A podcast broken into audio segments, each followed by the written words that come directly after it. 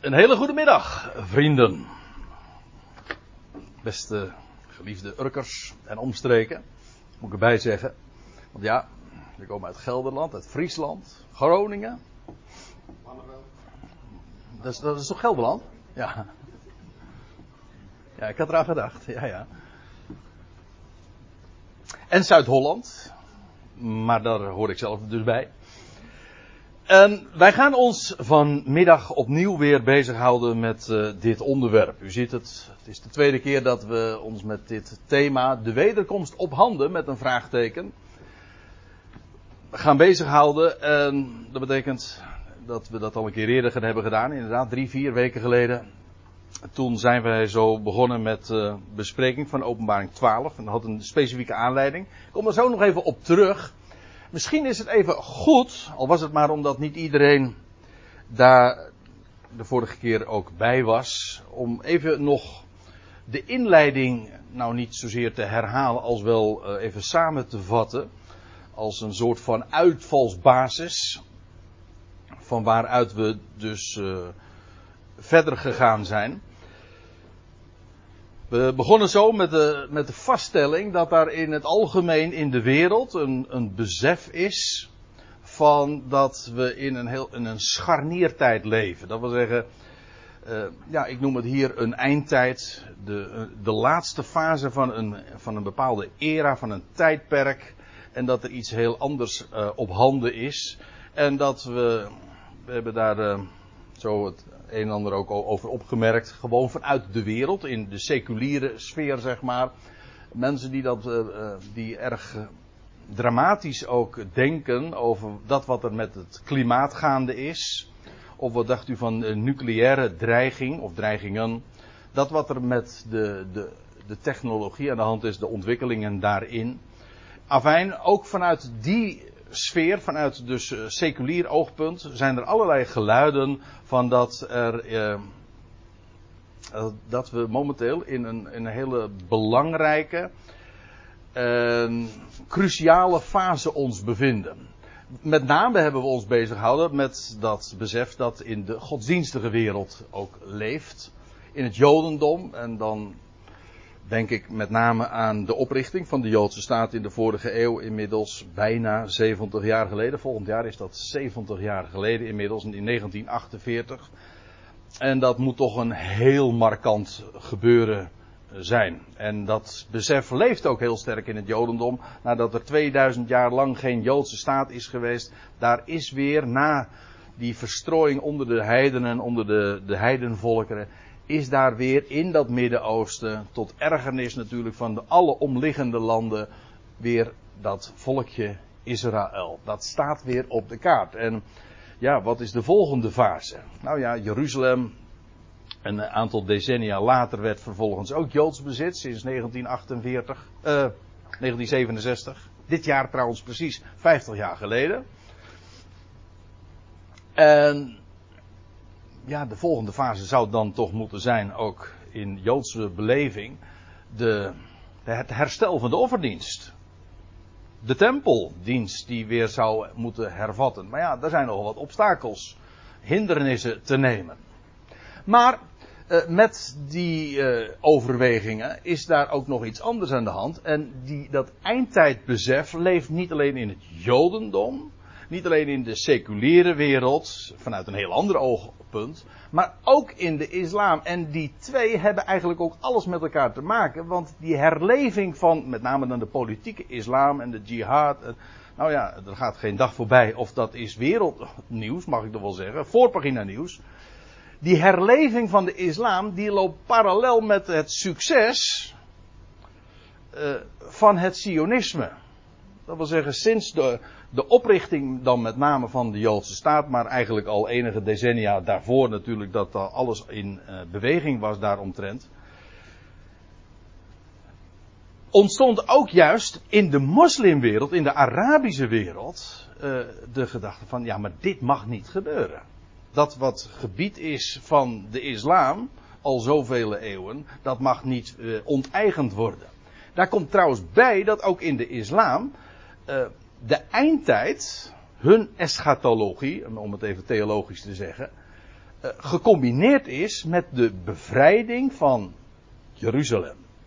Zij weten, en er zijn allerlei geschriften, en uh, ik ben daar niet zo heel erg in thuis, maar uh, ik heb daar ooit eens een keertje toch wat aparte studie naar gedaan. En het is heel boeiend om te lezen hoe allerlei geschriften in de, in de hadith, in allerlei geschriften naast de Koran, maar die zeer gezaghebbend zijn, die erop wijzen dat in de eindtijd, voordat de komst, voor de komst van de Almadi, want dat is degene die zij verwachten, dat Jeruzalem bevrijd zal worden. Dat wil zeggen, vanuit hun oogpunt.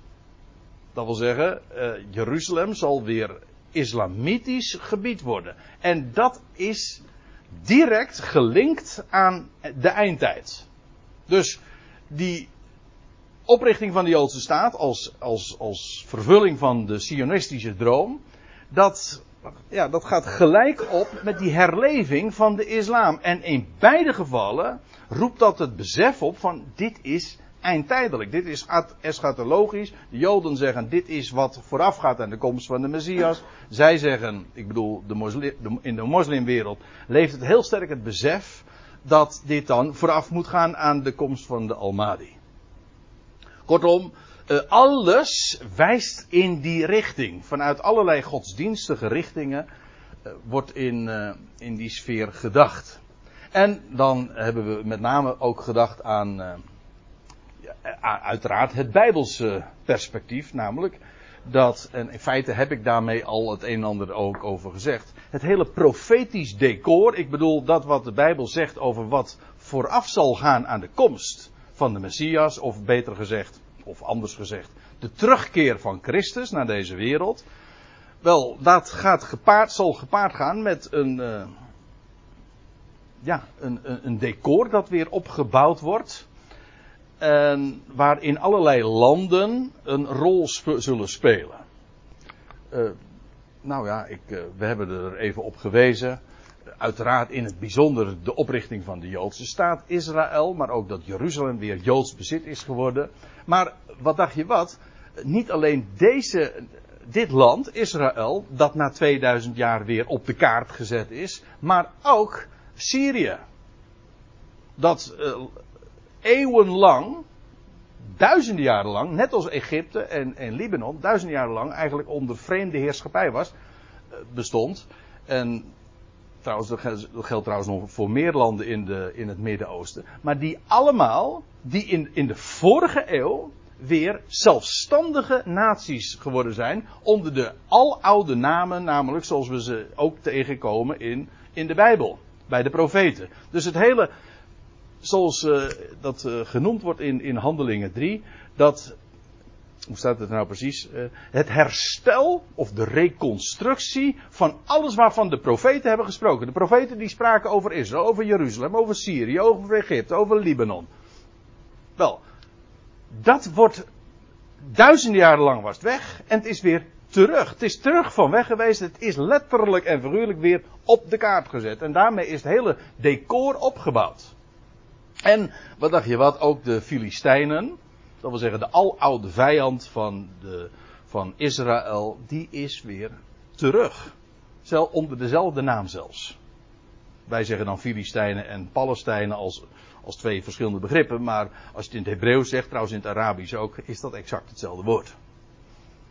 Dus met de oprichting van de Joodse staat is ook meteen weer de aloude vijand onder dezelfde naam. Eigenlijk is het, ik zeg daarmee dus ook niet dat de Filistijnen de nakomelingen zijn, of laat ik het anders zeggen, dat de Palestijnen de nakomelingen zouden zijn van de Filistijnen van weleer, maar het zijn wel hun erfgenamen. Dat wil zeggen, ze hebben de erfenis van de Filistijnen van destijds. En ze zitten zelfs in dezelfde strook nog, hè? de Gaza-strook. De Filistijnen die hadden hun gebied in die vijf steden daar bij Gaza, Askelon, en dat is nu nog steeds zo.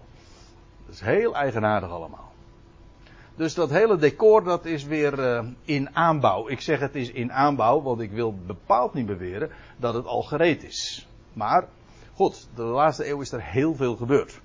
En daar moeten we natuurlijk uh, ook niet aan voorbij gaan, want dat lijkt me ook niet uh, onbelangrijk om een understatement te gebruiken. De termijn is domweg aan het verstrijken. Het hele verhaal is zonder dat nou uh, op het jaar nauwkeurig te, te berekenen, dat, uh, daar hebben we bij andere gelegenheden, heb ik daar persoonlijk ook wel eens mee bezig gehouden. Het jaar 6000 is bijna aanstaande. Dat wil zeggen, als je rekent vanaf Adam, gewoon volgens de Bijbelse chronologie, dan kom je ergens in de jaren 30 straks uh, uit als zijnde het jaar 6000. Ik denk 2034, maar begrijp me overigens goed. Uh, als ik dat zo'n jaartal noem, dan zeg ik daarmee dus helemaal niks. Ik zeg, of in ieder geval, ik zeg daarmee dus niet wat dan, er dan zal gebeuren. Maar het lijkt me dan toch in ieder geval op, uh, opmerkelijk. Het, uh, het opmerken waard dat dat een, toch wel een heel markant getal is. Vooral als je dan nog realiseert dat in bijbels opzicht zoals God rekent, voor wat voor hem duizend jaar is. Ja, dat betekent dus dat in het jaar 6000 er zes dagen voorbij zijn. Zes dagen, zes millennia. En de zevende dag gaat dan aanbreken. Nou. Overigens moet ik er ook nog bij zeggen dat in de jaren 30 van deze, e-, van deze eeuw, dus uh, ja, over ruim een decennium, dan zijn er ook 2000 jaar voorbij sinds de hemelvaart van de Heer Jezus. En, of je nou, en als de Heer Jezus nou is uh, gekruisigd, gestorven en opgestaan en ten hemel gevaren in het jaar 30 of 31 of 32 of 33, ik weet dat dat is in discussie, maar dat maakt uh, voor deze, uh, voor deze typering niet, geen verschil. Eén ding is zeker, die twee, die, die twee millennia zijn dan ook dus binnenkort voorbij. Nou, dat valt allemaal zo samen en dat maakt het uh, allemaal zo buitengewoon spannend. De tijd waar wij nu in leven. Nou, daar hebben we het de vorige keer, ik heb het er iets uitgebreider uh, toen benaderd. Maar ik vind het toch goed om dat even opnieuw in herinnering te roepen. Dat is er aan de hand. En dan was er nog iets bij, en dat is de echte, directe aanleiding voor deze studie, of deze twee studies. Namelijk dat er een uh, aankomende zaterdag, kan ik inmiddels zeggen. Dat is de 23ste. Dan is er een hele speciale constellatie van sterren. Staat er aan de hemel. En al vele jaren wordt daar eh, op gewezen. Maar goed, u begrijpt, naarmate deze datum vordert, uh, neemt de spanning daaromtrent uh, toe. Namelijk, dan, vindt er een, dan, dan zie je een sterrenconstellatie die dan exact overeenkomt, of laat ik het voorzichtig zeggen, zou komen met wat we vinden in Openbaring 12. Openbaring 12, vers 1.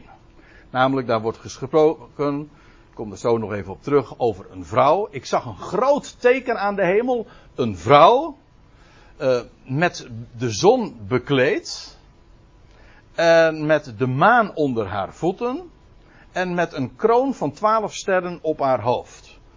En wel, die situatie doet zich dus aankomende zaterdag voor. Namelijk dan staat het de, pardon, de zon in het sterrenbeeld de maagd, de vrouw. En de maan is onder haar voeten. En ja, met uh, de leeuw, Leo, heeft, dat, dat, dat zijn in totaal, moet ik erbij zeggen, uh, negen sterren. Maar het bijzondere is dat er nu, kijk u ziet ze, de negen sterren van van het sterrenbeeld de leeuw. Alleen het bijzondere van wat er eh, aankomende zaterdag aan de hand is, is dat er drie planeten, dwaalsterren, erbij gekomen zijn. Te weten Venus, oh wacht even, Venus, Mars en Mercurius. Zodat op het hoofd van de maagd, maar niet alleen de negen sterren van dit sterrenbeeld op uh, geplaatst zijn, maar ook nog eens een keertje de drie andere sterren. En dat is uniek zodat daar dus twaalf sterren in totaal op haar hoofd zijn. Nou, dat lijkt me toch markant. En dat zou dan precies uh, het ster, uh, de, de, de situatie geweest zijn die, op, die Johannes in openbaring 12 gezien zou hebben.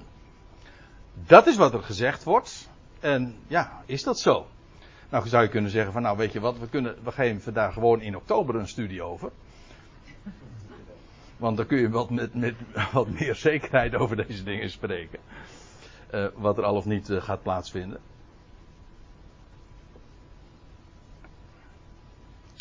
En wat, dat moet ik dan ook nog even herhalen.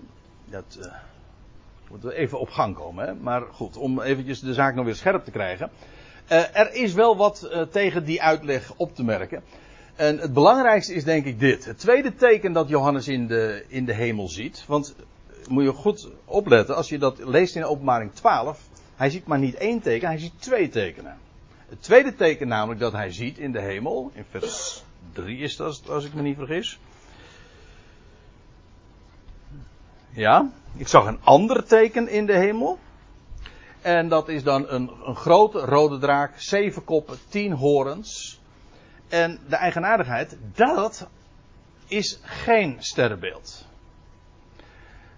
En dat verzwakt het idee enorm, als u het mij vraagt, dat dat eerste teken dan wel een sterrenbeeld zou zijn. Als het eerste teken een sterrenbeeld is, wat op zich een hele zinnige gedachte is, eh, maar dan, dan moet je ook consequent zijn, dan is het tweede teken dat ook.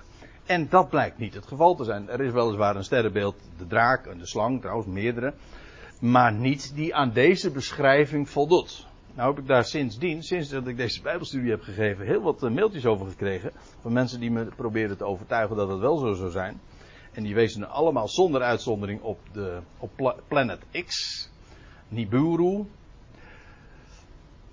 En, maar dat is echt een verlegenheidsverklaring. Uh, want ja, met die, uh, dat is niet zomaar direct aan de hemel aan te wijzen. Dat is allemaal heel obscuur, ook zwaar omstreden. Daar komt trouwens ook nog bij dat uh, die andere kenmerken ook daarin niet terug te vinden zijn. Ja, zegt, uh, kreeg ik van de week een mail, zegt van, maar die, nie, dat Nibiru, dat is een, een planeet dat dan uh,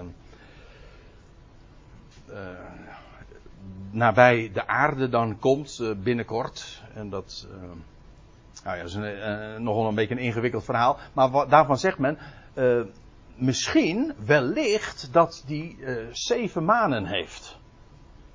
Ja, maar weet je, dan, dan, dan eh, heb je trouwens nog niet de tien horens verklaard. Het is allemaal, het is uh, een, een verlegenheidsconstructie. Kan het niet anders zien. Zo helder op zich als de uitleg van vers 1 zou zijn, zo, uh, zo wazig en obscuur is de uitleg dan van, van dat andere teken. Het voldoet domweg niet. Ik zeg het een beetje, ik zeg het bout, maar ja, ik, uh, ik kan het niet anders inzien.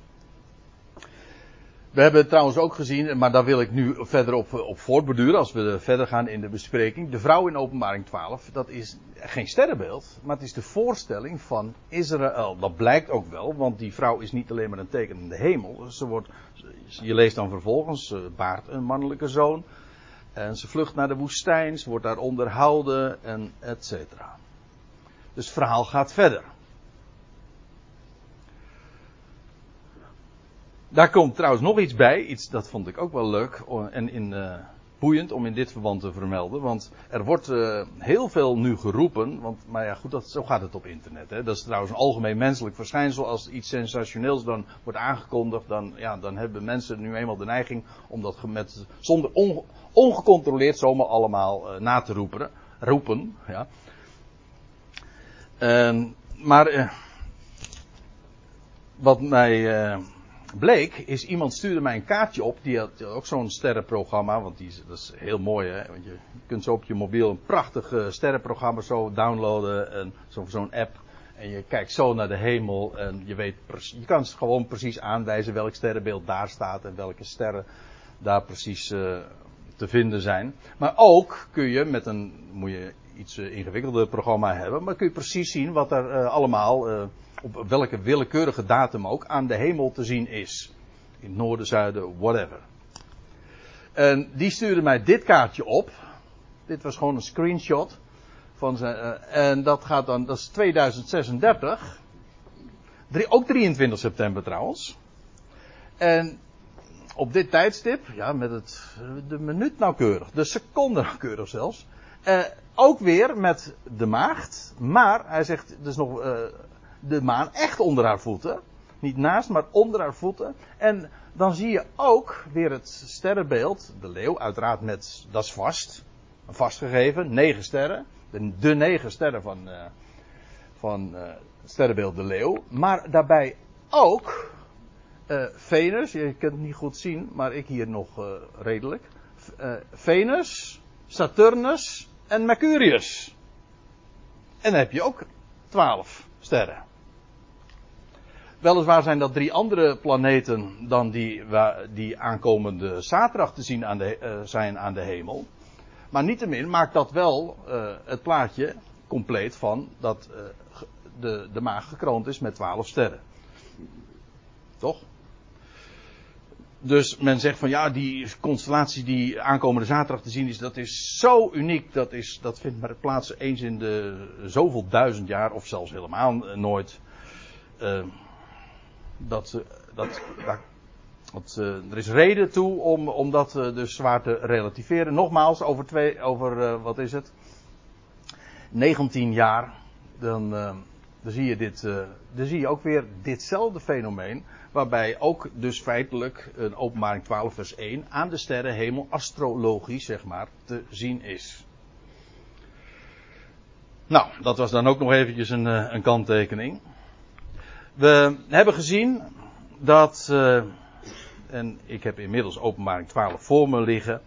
Dat uh, is wel handig, want dat, dat is eigenlijk wat we bespreken naar aanleiding van uh, nou, de actualiteit, zeg maar.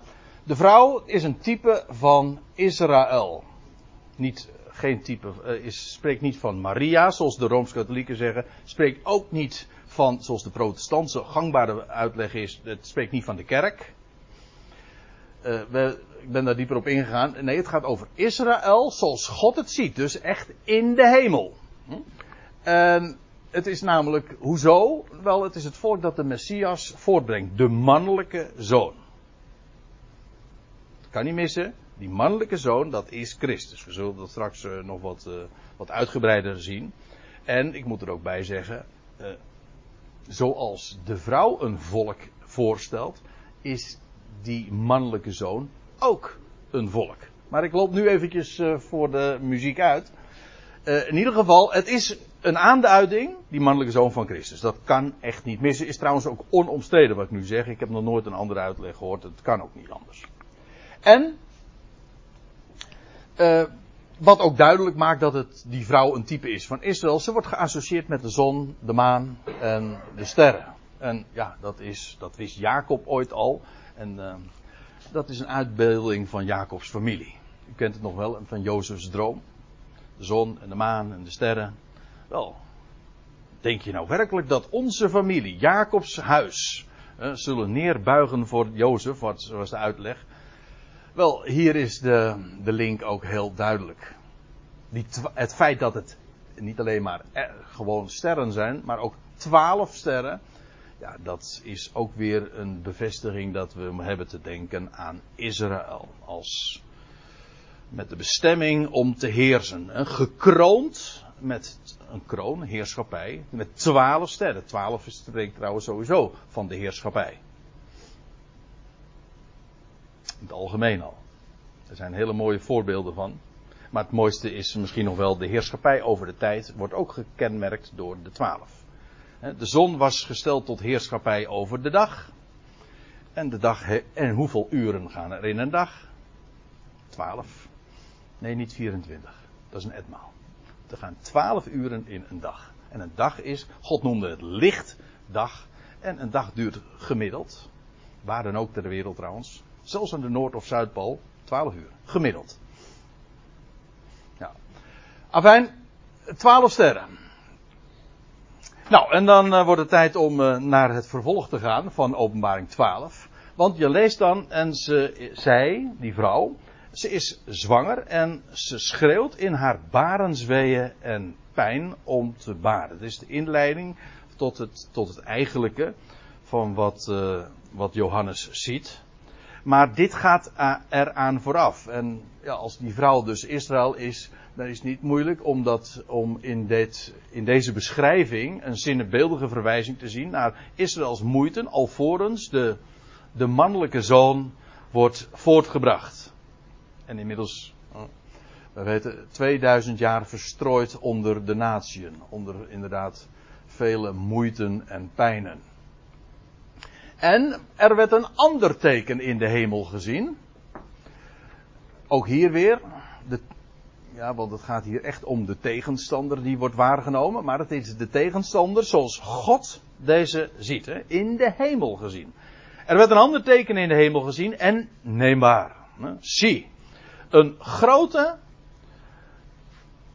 In de MBG-vertaling staat rossige. Er staat eigenlijk furos. Of nee, pyros. En dat heeft te maken met pur. Met uh, het woord voor vuur. En maar het is een kleur. En dus voor ons woord vuurrood is, uh, is perfect. Is een prima weergave van wat Johannes ziet. Een vuurrode draak. Waarbij de gedachte is dat het inderdaad vuur is. En rood. Vuur. Ja, de associaties. De karakteristieken van de eindtijd komen daarmee eigenlijk ook meteen weer uh, op de voorgrond. Vuur, als een aanduiding van toorn. Rood, ook van bloed.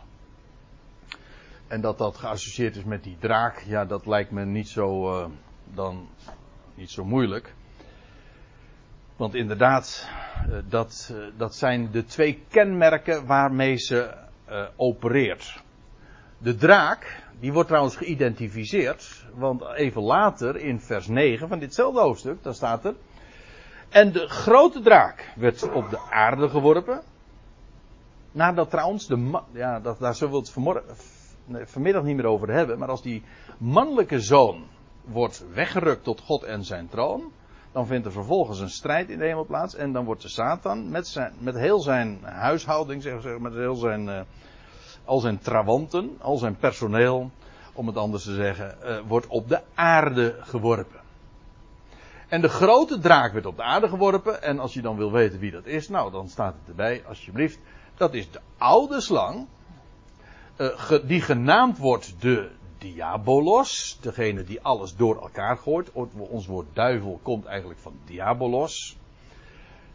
En de Satan. Diabolos, dat is eigenlijk Grieks. En dat betekent dat hij door elkaar gooit. Dat, is eigenlijk, dat beschrijft perfect ook wat hij doet. En hoe hij ook opereert en uh, te werk gaat met het woord van God eigenlijk dit is vooral wat uh, hij doet met het woord van God. Namelijk door elkaar gooien. God heeft zeker wel gezegd dat. En dan, het is eigenlijk dus een, een theologische activiteit. Hij hanteert het woord. Hij is bezig met de interpretatie van Gods woord. Alleen dat doet hij karakteristiek door het door elkaar te gooien. En dat is een hele goede manier om de boel tegen, om Gods woord tegen te staan. En dat is wat het Hebreeuwse woord Satan dan betekent. Dat betekent tegenstander. Het is niet zozeer een eigen naam als wel een, een functie. Wat doet hij? Hij staat tegen. En die de hele wereld verleidt. Dat is ook precies wat je dan uh, in het, vooral in het navolgende hoofdstuk ook leest over dat beest, weet je wel, de, en alle, en dat dan hersteld is van, uh, van zijn dodelijke wond. En dan lees je dat alle natieën daarachter aangaan. Helemaal versteld en onder hypnose, zeg maar, gebracht door dat fenomeen. Maar wie daar eigenlijk uh, achter steekt, dat is de oude slang, oftewel degene die genoemd wordt, de diabolos, oftewel de Satan. Nou, hoe duidelijk wil je het hebben? Het is de slang als van ouds, weet u wel. Vandaar ook de oude dus. Het is een draak. Met meerdere koppen. Dat is wat een draak toch is. Zeven koppen. Ja, nou dan hebben we het met zeven hoofden, of koppen. Wordt trouwens ook uitgelegd. Dat is het mooie van eh, het boek Openbaring. Of, of het sluit aan direct bij de op de profetieën die we vinden in de Hebreeuwse Bijbel, van Daniel, Ezekiel, Jezaja, Jeremia, noem maar op. En daar vinden we dan de uitleggingen daar, uh, van, de verschillende beelden. Maar ook in het boek Openbaring zelf wordt dat gedaan, want dan lees je over die zeven hoofden. Dan kom je in hoofdstuk 13, kom je het weer tegen, hoofdstuk 17 ook. Dat beest van de eindtijd dus. En dat dan wordt er ook uitgelegd, het zijn zeven bergen. Ja, er zijn meerdere plaatsen die uh, daarvoor in aanmerking komen, zoals u weet. En dan bedoel ik niet het Nederlandse plaatsje Zevenbergen. Nee, dan, uh, je hebt ook. Uh, ja, ik weet, meestal wordt er gezegd, ja, dat is, oh, dat is Rome. Want Rome, en dat is inderdaad bekend, Rome is de stad van, gebouwd op zeven bergen. Maar er is nog een stad die daarvoor in aanmerking komt. En dat is Jeruzalem. Is ook gebouwd op zeven bergen. Vraag me niet om ze te benoemen. Nou ja, een paar ken ik wel. De Olijfberg bijvoorbeeld, een van de zeven. Maar uh, Scopus, nou ja, Sion uiteraard. Maar goed, er zijn in totaal zeven bergen. Trouwens, ik, uh, de zeven bergen waar Rome opgebouwd is, kan ik ook niet uh, zo noemen. Maar goed. En dat wordt in openbaring 17 dan uitgelegd. Ik wil dat nu eigenlijk wat parkeren. Ik noem het even. Ik, eigenlijk vooral om te vermelden dat het elders dan in het boek Openbaring wordt uitgelegd. En dan lees je in openbaring 17 dat hij een hoer ziet. Ook weer een vrouw dus. Maar dan in, uh, in haar goddeloze hoedanigheid. Namelijk als hoer. Uh, die zich afgeeft dus met uh, andere mannen. En dat is eigenlijk ook weer zo'n aanduiding die je ook zo dikwijls bij de profeten aantreft. Dat Israël een, beschuldigd wordt van hoererij. Dat is eigenlijk afgoderij. Ze was getrouwd met God, met Yahweh. En op het moment dat ze een andere man achterna loopt, andere mannen, dat zijn andere goden. Dus het is een hele duidelijke uh, beeldspraak ook. Maar in ieder geval in openbaring 17 lees je dan over die, die, die, die hoer, die, zit, die is gezeten op zeven bergen dan. En dat is Babel. Ja. Ik geef toe, deze aanduiding, wat ik hier in deze tweede zin heb gezegd, is, ik kan me voorstellen dat als ik dat zo zeg, dat dat abacadabra is. Waarvan trouwens onlangs tegen mij gezegd werd, weet je waar dat vandaan komt? Abacadabra. Hm? Die zei van dat het, dat het uh, alle akbar zou betekenen. Hm? Een verhaspeling van alle akbar. Trouwens, dat betekent God is groter en daar ben ik het helemaal mee eens dus. Oeh, wat heb ik nou gezegd, hè?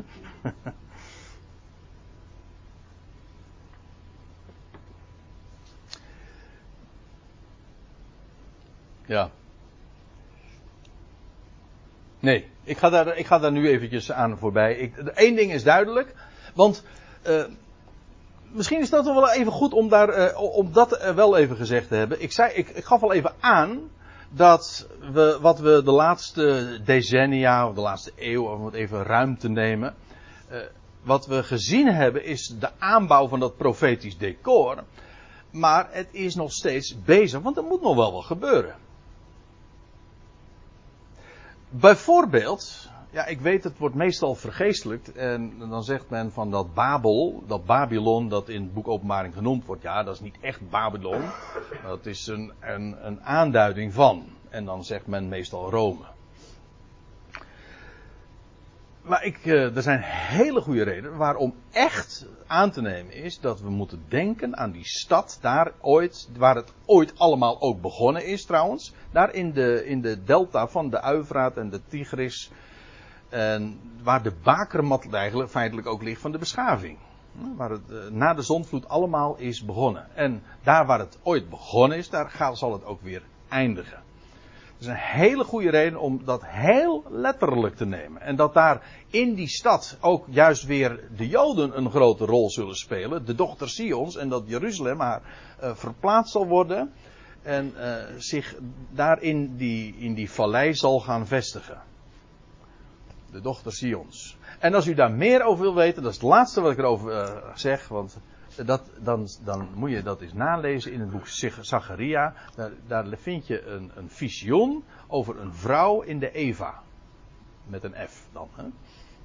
En die wordt dan verplaatst. En dat is een, god, een goddeloze vrouw, lees je dan. En die wordt verplaatst naar de vlakte van Siniar. Dat wil zeggen waar de streek waar de, um, Babel Babylon is gebouwd.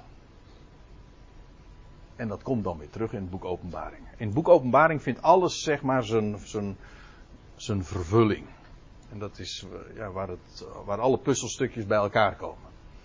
Afijn, daar heeft, uh, hebben die zeven hoofden alles mee te maken. En als ik het nog niet ingewikkeld genoeg gezegd heb, nu. Uh, heeft het ook nog met een zevental opeenvolgende koningen te maken. Staat allemaal geschreven in Openbaring 17.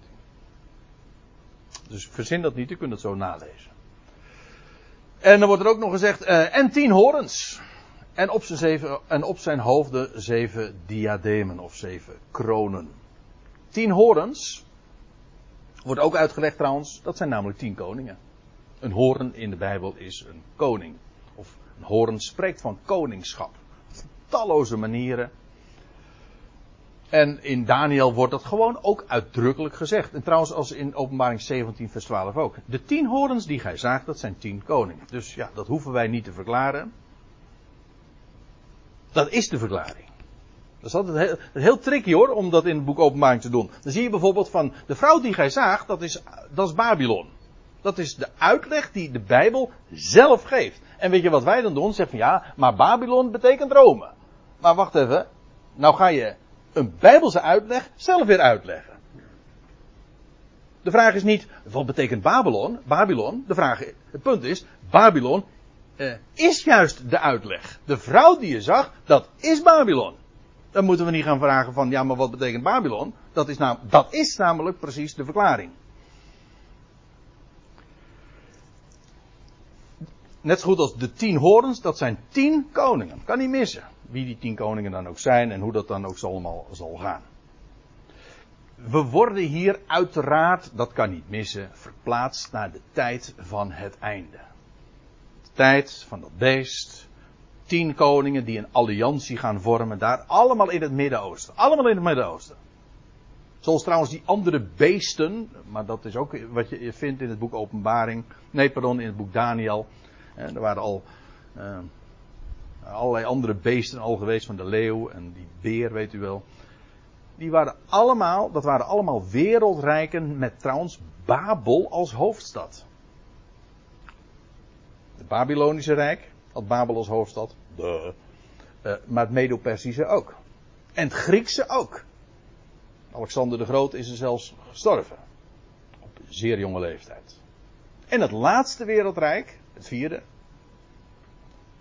zal ook weer daar in Babel zijn. Dat wil zeggen, in het Midden-Oosten. Ik, uh, ik ga verder. Uh, met, uh, met de bespreking. Want dan lees je in vers 4. En zijn staart, dus van die draak, zijn staart. Dat is ook leuk, want ergens in het Jezaja staat, dat vind ik een prachtig uitleg.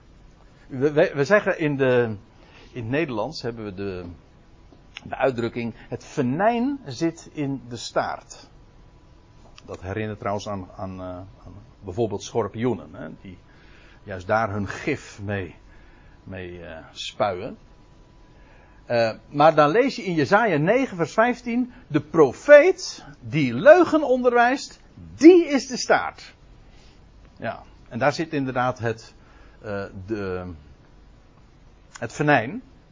En de valse profeet, dus de, de pseudo-profeet, de profeet die leugen onderwijst, wie is dat dan? Nou, dan moet je even doorbladeren. En dan kom je in openbaring 13 en dan vind je dat tweede beest uit de aarde, dat is de valse profeet. En dat is die staat. En de staat sleept het derde deel van de sterren van de hemel en werpt ze in het land. Ja, of letterlijk, of in de MBG-vertaling en waarschijnlijk in de Statenvertaling ook op de aarde, maar dat letterlijk tot in de aarde. Het woord aarde en land, ik geloof dat we de vorige keer ook al over hebben gehad. Dat is gewoon in, in, zowel in het Hebreeuws als in het Grieks exact dezelfde woorden. Wij maken het verschil tussen aarde en land, maar eh, God noemde het droge aarde. Of hij noemde het droge land. Dat is de Bijbelse definitie. En die sterren van de hemel die, uh, die worden geworpen in het land. En als, u het zo, als je het zo zegt, dan word je ook meteen al ge, getriggerd. Want dat doet denken aan uh, het, het land, namelijk Israël. Daar denk ik ook inderdaad aan. Die sterren van de hemel, kijk in Daniel 8. Ik, ik neem u even mee. Daar staat in Daniel 8 dit. En ja, goh, dat is nadeel als je dan naar de andere schriftgeblaadsen toe gaat. Want dan moet je weer wat uitleggen. Maar dat probeer ik, wil ik even heel erg beperken. Er staat, en één daarvan kwam, uh, en uit één daarvan kwam weer, weer een horen voort. Uh, horen? Uh, is dat zo? Moet je het op dubbel O schrijven? Ja. Heb ik dit nou gedaan? Nou ja, weet ik even niet meer. Een hoorn, ja. Kwam die klein begon, maar die zeer groot werd. Uh, tegen het zuiden, dus tegen het zuiden, tegen het oosten en tegen het sieraad. En dat is een, in Daniel meerdere keren een aanduiding van het land Israël. Ja, zijn grootheid reikte tot aan het Heer des hemels. En hij deed er van het Heer, namelijk van de sterren, ter aarde vallen en vertrapte ze. Kijk het maar naar in het verband, en dan gaat het juist over de inwoners, namelijk van het land Israël. Dat zijn namelijk de sterren. Waarom? Je leest ook dat in openbaring 12 dat de, de, de, de masculien, de, de verstandigen onder Israël, die zullen stralen als de sterren des hemels. Ja. Maar ze worden, ze worden terneergeworpen. Hè, namelijk op het land. Ze worden vertreden door dat beest.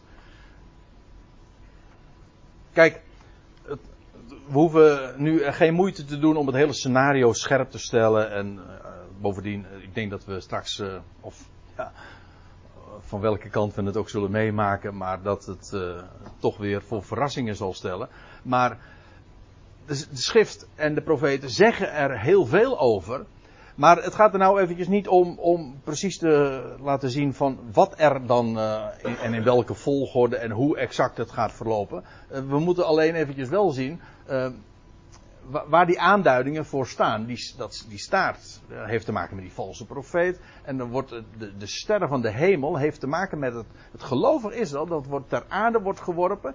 En de draak staat in het zicht van de, van de vrouw. Johannes is nog steeds bezig met het beschrijven van dat teken dat hij ziet. Of die twee tekenen die hij ziet. En de draak staat in het zicht van de vrouw die op het punt staat te baren. Opdat, zodra zij het kind van haar baart, hij dit verslindt. Opeet. Vreet. Hè? Vereet. Dus vreet. Verslindt. Ik ga even meteen naar vers 5, want dit is het belangrijk. En zij baarde een zoon, mannelijk, dat lijkt dubbel op, want dat is nogal wiedes. Als je een zoon baart, dan is dat mannelijk. Maar dat is eh, maar niet zo. Dat is geen, het is wel een stijlfiguur, maar het is geen stijlfout. Het is, het is een zoon mannelijk. Namelijk heer, bedoeld en bestemd voor de heerschappij ook. Dat is ook wat mannelijk betekent. Mag je natuurlijk niet hardop zeggen vandaag hè, in een geëmancipeerd land. Maar ik doe het wel lekker. Heerschappij is een mannelijke eigenschap. Heerschappij, ja. En dat heeft trouwens ook nog alles te maken met het embleem van heerschappij. Een staf. Of in de MBG. Nee, de Statenvertaling staat een roede. Nou. Nou moet ik het netjes houden, maar goed. Hè? Dat zijn mannelijke emblemen. En zij baarde een zoon, mannelijk, die op het punt staat te hoeden al de natieën in een ijzeren knots. Nou, dit is, verwijst naar de psalmen. Of een ijzeren staf. Laten we even naar Psalm 2 toe gaan. Psalm 2 is ook weer zo'n psalm. Gaat over de eindtijd. U weet hoe het begint? Waarom woelen de natieën en zinnen de volkeren op ijdelheid? Hij die in de hemel zetelt, die lacht. De Heer spot met hen. En dan zegt hij, ik, kan niet alles citeren, maar dan staat er, ik, jawel, ik heb immers mijn koning gesteld over Zion, mijn heilige berg. Dan kunnen die verenigde naties wel tekeer gaan en, en, en eh, optrekken naar het land. Maar als God besloten heeft, dan gebeurt dat zo. Punt. En Psalm 2, dat is een psalm van David, beschrijft precies hoe dat straks ook in de eindtijd zal gaan. En ik sla nu even vers 7 over. Over uh, mijn zoon zijt gij, ik heb u heden verwekt. En dan staat er vervolgens, vraag mij. En ik zal volkeren geven tot jouw erfdeel. Dat wil zeggen, die, die, die, die, die koning die gesteld is over Zion, zijn zoon die hij verwekt. Ik zal volkeren geven tot jouw erfdeel en de einden der aarde. Hm? Daar waar het droge ophoudt, dus de kuststroken. De einden der aarde tot jouw bezit.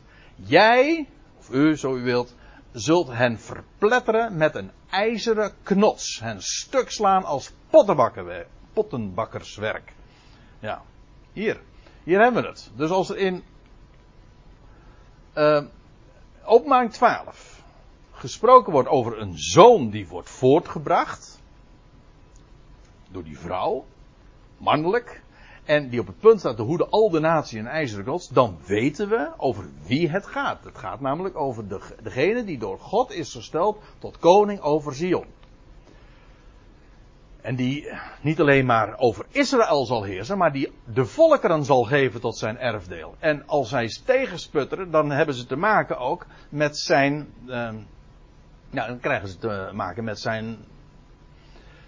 Uh, zijn kracht. En dan zullen ze ook onder de voeten geworden. Uh, ja, inderdaad, gesteld worden tot een voetbank voor zijn voeten. Dan maakt hij korte metten mee. Dat is echt, uh, ik geef toe, dit is geen vrouwelijke, dit is mannelijke taal.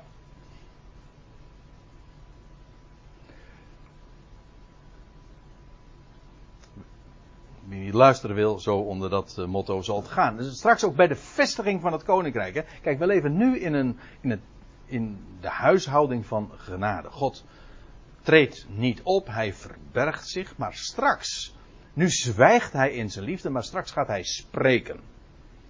En als hij straks zijn koning zal stellen op de heilige berg over Sion, dan zal hij vanuit, vanaf zijn troon zijn heerschappij gaan vestigen over Israël, maar ook over al de naties.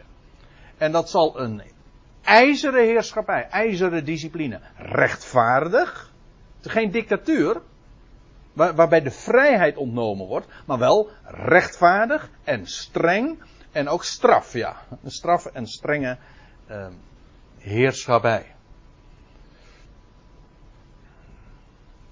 Dat, is dat, dat zijn karakteristieken van dat koninkrijk. Dat koninkrijk, ik kan u wel verklappen, dat zal geen democratisch koninkrijk zijn.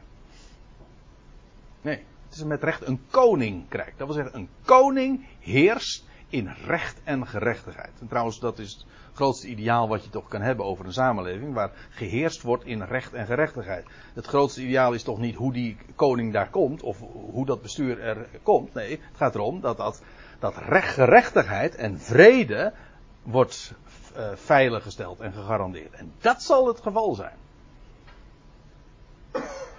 En wat de stemming zal zijn, dat is totaal niet aan de orde. Goed, zij baarde een zoon, mannelijk, die op het punt staat te hoeden al de natieën in een ijzeren knots. Daarmee is die mannelijke zoon geïdentificeerd. Tenminste, ten dele. Want dan staat er, en weggerukt wordt het kind van haar naar God toe en naar de troon van hem. God dus. En nu uh, moeten we komen op een ander punt en dat is heel belangrijk. Want kijk, hier voldoet de uitleg niet meer langer dat de, dat kind, die mannelijke zoon, de Messias is. Ja, nee, ik moet het, mijn bezwaar eventjes goed uh, formuleren het voldoet niet wanneer je zegt, dit gaat over Jezus. Want uh, ik weet, meestal zegt men van ja, die wegrukking, dat, is, dat, is, dat spreekt van de hemelvaart in het verleden. Maar dat, dat past in dit verband helemaal niet. Want dit wordt juist, dit, heeft een, dit hele gebeuren heeft een eindtijdelijke context. Als die vrouw namelijk gebaard heeft, dan vlucht ze direct ook naar de woestijn. En dan, vinden, dan lees je over die 1260 dagen. Dat heeft dus alles te maken met die eindtijd. En bovendien, de hemelvaart was helemaal geen wegrukking. Dit, dat woord weggerukt, dat is een, echt een, term waarbij ja, iets weggegrist wordt, waar geweld bij uh, gebruikt wordt. Het Engelse woordje rapture is eigenlijk wel, uh, wel frappant, vind ik altijd. Want dat komt van het werkwoord to rape.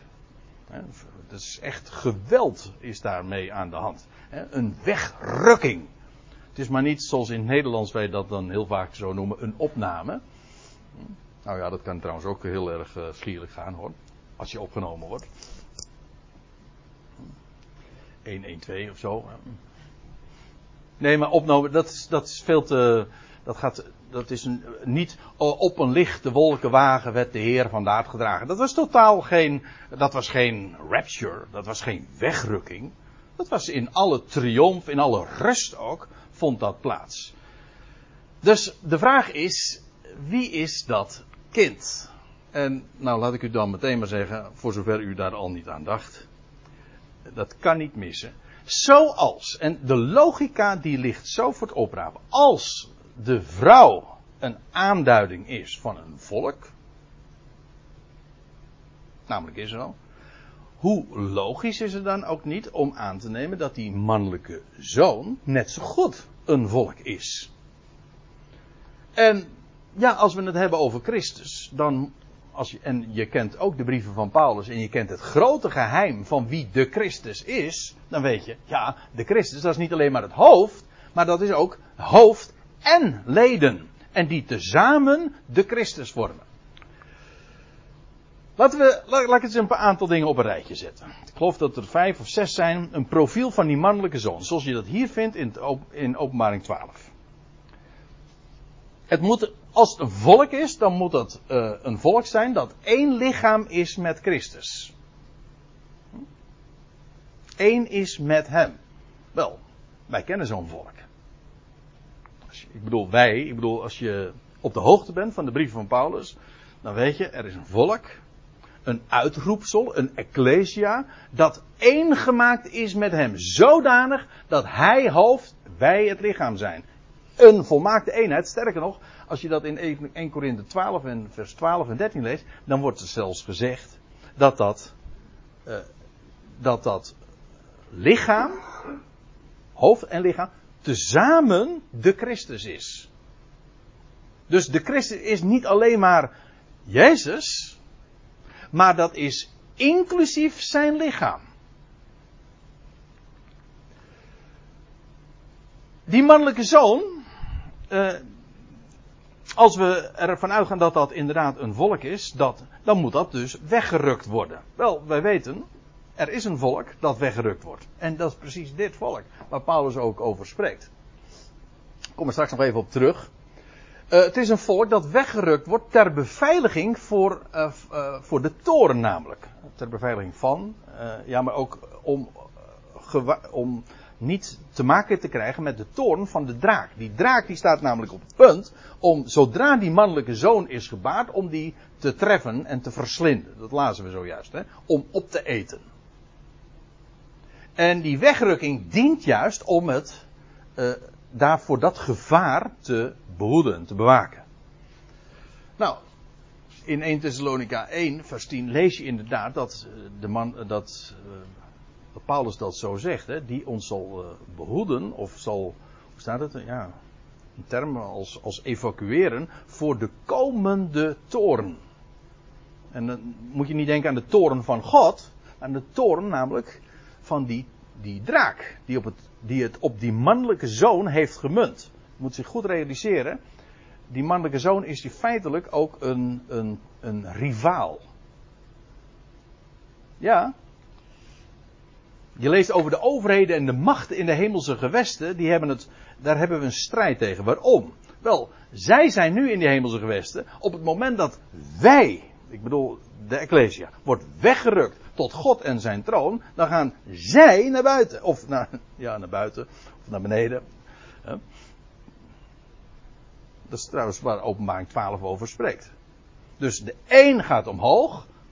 Voor de heerschappij. Maar dat betekent ook dat de ander vernederd wordt, letterlijk. De een verhoogt is de vernedering van de ander. Dus vandaar die rivaliteit. Die, mannelijke, die, die draak heeft het juist op die mannelijke zoon gemunt. Het is een volk dat bestemd is voor de troon. Nou, en dan zegt Paulus: Weten jullie dan niet dat jullie de wereld en de engelen zelfs zullen oordelen en zullen richten? Weet je dat niet? Weet je, dat is logica. We zijn een lichaam, we zijn een natuurlijk lichaam. Vergis u niet, het is mannelijk. Het is voor de heerschappij. Een volk dat mannelijk is, Efeze 4 vers 13. Ik, heb expres de teksten erbij genoemd, niet, ik, ik, ga er niet naartoe, maar kijk het maar na. Dat uh, aan al deze kenmerken van de mannelijke zoon in het openbaring 12, dat inderdaad de Ecclesia daar volledig aan beantwoordt. Een volk dat mannelijk is. En bovendien ook een volk dat voortkomt uit Israël. In Gelaten 4 lees je dat ook, dat Paulus daarover spreekt, over het, over het Jeruzalem. Ja, in, de, in onze vertalingen wordt er gesproken over de, het, het hemels Jeruzalem, maar het is eigenlijk het Jeruzalem dat opwaarts is. Dat Jeruzalem dat omhoog gekeerd kijkt. Dat is onze, en dan zegt hij, dat is onze moeder. Daar komen we uit voort. Kortom, ik heb er hier zes. Ik had, uh, ik had er nog eentje bij moeten hebben natuurlijk voor de. Dat had wat mooier geweest. Maar dit zijn zo een aantal kenmerken van de mannelijke zoon. die volledig uh, van toepassing zijn op de Ecclesia. En als er dan ook staat dat kind wordt weggerukt. Uh, zodra het geboren is. Het wordt weggerukt naar God en, zijn, en de troon. Dat woord weggerukt, dat is in het Grieks harpasso. En dat wordt hier gebezigd. Maar dat wordt, gebruikt Paulus ook in 1 Thessalonica 4. Dan zegt hij, vervolgens zullen wij, de overlevenden, in tegenstelling tot degenen die inmiddels zijn overleden, eh, de overlevenden samen met hen worden weggerukt. Dit woord, exact hetzelfde woord. Weggerukt in wolken tot ontmoeting van de Heer in de lucht. En zo zullen wij altijd samen zijn met de Heer. Dat is toch een, een geweldige verwachting. Maar, die, maar niet zomaar samen zijn. Nee, dat is ook bestemd voor de troon. Voor de heerschappij. Onze eigenlijke taak, vergis u niet, wacht nog. Dan, hier, dit is, in het Engels uh, heb ik ooit eens een keer de uitdrukking opgepakt en gehoord en ik vind hem wel, ik kan het Nederlands niet zo mooi zeggen, maar in het Engels is het lifetime. Dus de tijd dat we hier leven, lifetime is training time for reigning time. Dat wil zeggen om te regeren. Niet om te regenen, maar om te uh, regeren, ja. En dat is waar we in de toekomende Ionen ook voor bestemd zijn. Om met hem te heersen. Niet alleen over de aarde, maar over hemel en aarde. Dat is, ja, onvoorstelbaar.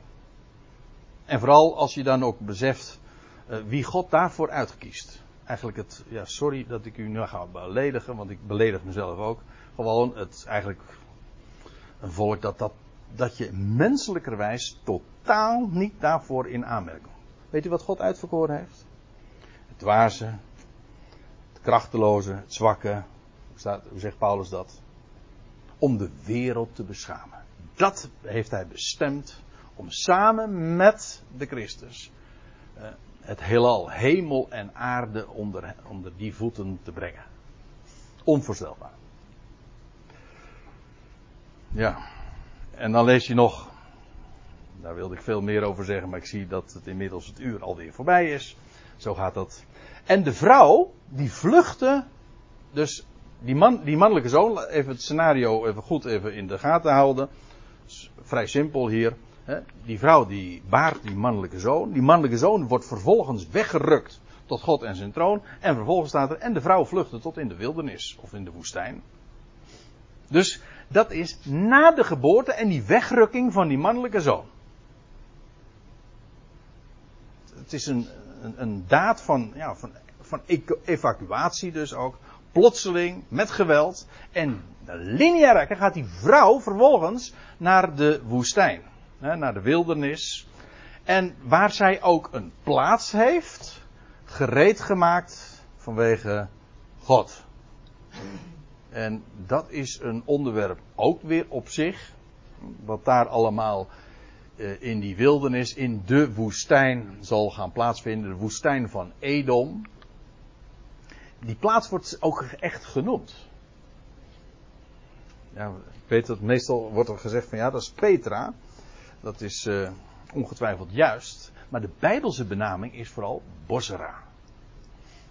Wat precies het verschil is, uh, laat ik even in het midden. Maar een, of er überhaupt verschil is, is nog maar de vraag. Maar in ieder geval, de Bijbelse benaming is Bosra. Weet u wat trouwens Bosra betekent? Schaapskooi, ja. Ja, en wat zou er in de schaapskooi gebeuren? Dan wordt de kudde verzameld. En, maar Bosra, dat is uh, die plaats uh, in de woestijn van, van Edom. Ik, één tekst. Daar staat er in Micha 2. Ik zal Jacob verzamelen. Ja, verzamelen. Allen van u bijeenbrengen. Ja, bijeenbrengen. Ik zal het overblijfsel van Israël samenbrengen als een kudde klein vee in Bosra. Ja. En als je dat in, in Jezaja 63 dan ook leest. Van, wat is het rood aan uw klederen? He, wie, schrijft, wie komt daar uit Edom met bloed besprenkelde klederen van Bosra? Kijk het maar na. Jezaja 63 vers 1 en 2. En dan, is, dan lees je dat God zelf vanuit deze streek inderdaad de, de wijnpers zal betreden en, en de volkeren zal richten. Een enorme, ja met recht bloederige tijd. Het heet niet voor niks Edom. Edom betekent rood. Ja. Maar, maar, en dat is het bijzondere. God gaat zijn, dat volk, hè, als de mannelijke zoon is weggerukt tot God in zijn troon, wat gebeurt er dan? Dan vlucht de vrouw naar de woestijn, daar heeft zij een plaats, een door God gereserveerde plaats. Bereid. Gewoon om daar een onderduikadres, om daar te vertoeven. En dan staat erbij, uh, opdat zij haar daar zullen voeden 1260 dagen. Eén ding is trouwens daarbij duidelijk. Die wegrukking vindt dus plaats. Ik weet dat er heel veel discussie over bestaat. Wanneer vindt die wegrukking plaats? Maar één ding is, lijkt mij volstrekt helder. Voor die 1260 dagen. Voordat Israël vlucht naar de woestijn, is die mannelijke zoon weggerukt tot God en zijn troon. En daar zal uh, Israël in, op die plaats, op die locatie, op dat onderduikadres worden uh, bewaakt, uh, bewaard, maar ook worden gevoed. Er zijn echt nog bijbelse aanwijzingen dat dat misschien weer een herhaling wordt van zoals dat ooit ging, zoals God zijn volk Israël, toen hij het verloste uit Egypte, bracht hij het naar het beloofde land. En daar in de woestijn heeft het volk voeding gekregen van God. Met uh, het manna uit de hemel, maar ook met de kwakkels. Allemaal inderdaad uit de hemel. Er staat eigen nader bij, opdat zij haar daar zullen voeden. MBG-vertaling heeft het wegvertaald, maar de, MBG, de is dat correct. Opdat zij haar daar zullen voeden. En dan vraag je af, wie zijn die zij nou weer? Dan zeg ik, nou, als, dat, als die mannelijke zoon nou dat volk is. Dan denk ik van, uh, dat zijn de leden van de mannelijke zoon. Dus uh, eigenlijk al de eerste activiteit ook. Uh, hier op aarde, die. ja, dat, dat zij, dat moet verwijzen naar een, een, een, collectief, een collectief, een gezelschap. dat zojuist in de context was genoemd. En de enige die op mijn hier voor een aanmerking komt. en als u het anders leest dan uh, hou ik me aanbevolen. Maar dat kan alleen maar dat volk dan zijn van die mannelijke zoon. Boeiend hè?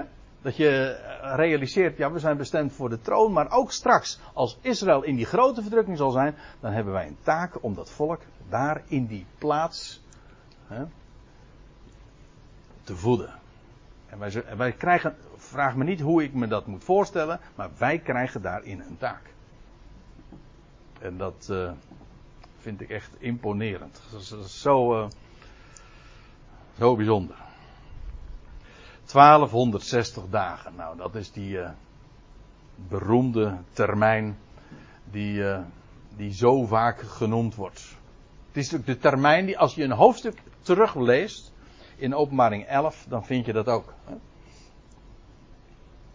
Daar zie je trouwens ook heel duidelijk in van dat heeft allemaal te maken Tenzij het allemaal wegvergeest. Dat je zegt van ja, maar 1260 dagen, dat, dat zijn niet echte dagen. Maar het wordt zo benoemd. Ik zal het, er is ook een bewijs voor, want als we nou even naar openbaring 11 toe gaan, dan lees je. uh, dat de stad, de heilige, dat wil zeggen de heilige stad dus, zullen zij, dan gaat het over de natieën, zullen zij vertreden. En dan staat erbij 42 maanden. Nou, pak een calculator en, en uh, als u goed bent in hoofdrekenen. 42 maanden, dat is 1260 dagen. Of 12 keer 30. Elders wordt het nog genoemd drie jaar en zes maanden. Nog weer elders wordt het tijd, tijden en een halve tijd genoemd. Een jaar, twee jaar en een half jaar. Nog meer? Nou ja, uh, als het dan nog niet duidelijk is dat we het inderdaad over een hele specifieke termijn hebben. Gek trouwens dat als het gesproken wordt in een negatieve van het vertreden van Jeruzalem, dan wordt het aangeduid in termen van maanden. De maan. Dus die is gesteld tot heerschappij over de nacht. Eigenlijk de nachtvorst, zeg maar. Hm? Maar als het gaat over goddelijke activiteiten, wordt het aangeduid in termen van dagen. In termijnen van dagen. Die vrouw die wordt uh, gevoed daar in de woestijn, op een door God gereserveerde plaats. En ze wordt daar gevoed 1260 dagen. Niet 42 maanden, 1260 dagen. Heeft te maken met de dag, met licht, met de zon. En hier zie je dat ook. De stad wordt vertreden 42 maanden en ik zal geven aan de twee getuigen van mij. Ja, wie dat zijn, dat doet nu even niet de zaken. Maar, en ik zal geven aan de twee getuigen van mij. En zij zullen profiteren 1260 dagen. Oftewel 1260 dagen. Omhuld zijnde in zakken. Nou ja, dat wordt dan ook genoemd. Wat, waartoe zij gedurende die tijd ook bekwaamd zullen worden. En ook beveiligd. Want ze is in het hol van de leeuw dan. Terwijl Jeruzalem vertreden wordt, staan daar twee getuigen en ze zijn en niemand is in staat om die twee getuigen iets aan te doen. Dat is dus allemaal, begrijp me goed, dat is allemaal na de wegrukking van die mannelijke zoon. Als u nou vraagt van, zullen wij dat dan ook meemaken? Dan zeg ik, ja wel, maar in ieder geval op een, eh, op een hoger niveau, zeg maar. Dus na de wegrukking van die mannelijke zoon, dan zullen er inderdaad, ja dat is eigenlijk ook heel logisch, want dan begint God weer een nieuw getuigenis en dat begint dan gewoon weer met twee getuigen. En die zullen dan ook inderdaad zeggen van uh, maak dat je wegkomt naar de woestijn. Dat moet je dan ook echt doen, want als je dat niet doet, dan ben je te laat. En dan vandaar ook dat er velen zullen omkomen in dat, in dat land. Gedurende die tijd. Daar is zoveel over te melden. Maar ik, eh, ik zie dat we nu vijf, nee, zes versen hebben zo even doorlopen. Meer was het ook niet. Maar één ding moet toch in ieder geval duidelijk geworden zijn. Uh, die wegrukking, waar hier over gesproken wordt, dat is inderdaad de wegrukking waar, waar ook Paulus over spreekt. Namelijk van het lichaam van Christus. En daarmee dus ook onze verwachting. Als u nou aan mij vraagt, gaat dat dus aankomende zaterdag gebeuren? Een heel, dat was eigenlijk de oorspronkelijke actuele vraag. Gaat dat aanstaande zaterdag nou gebeuren? Nou, als u mij vraagt, zeg nee. Want ja, dat, dat is nog een onderwerp apart. Maar uh, er zijn nog een aantal dingen die moeten gaan gebeuren. Want voordat die, die, die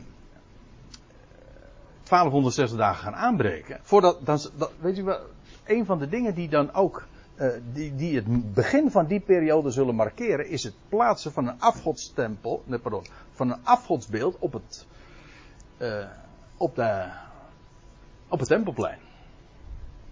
En, dus, en sterker nog, dan wordt de offerdienst gestaakt.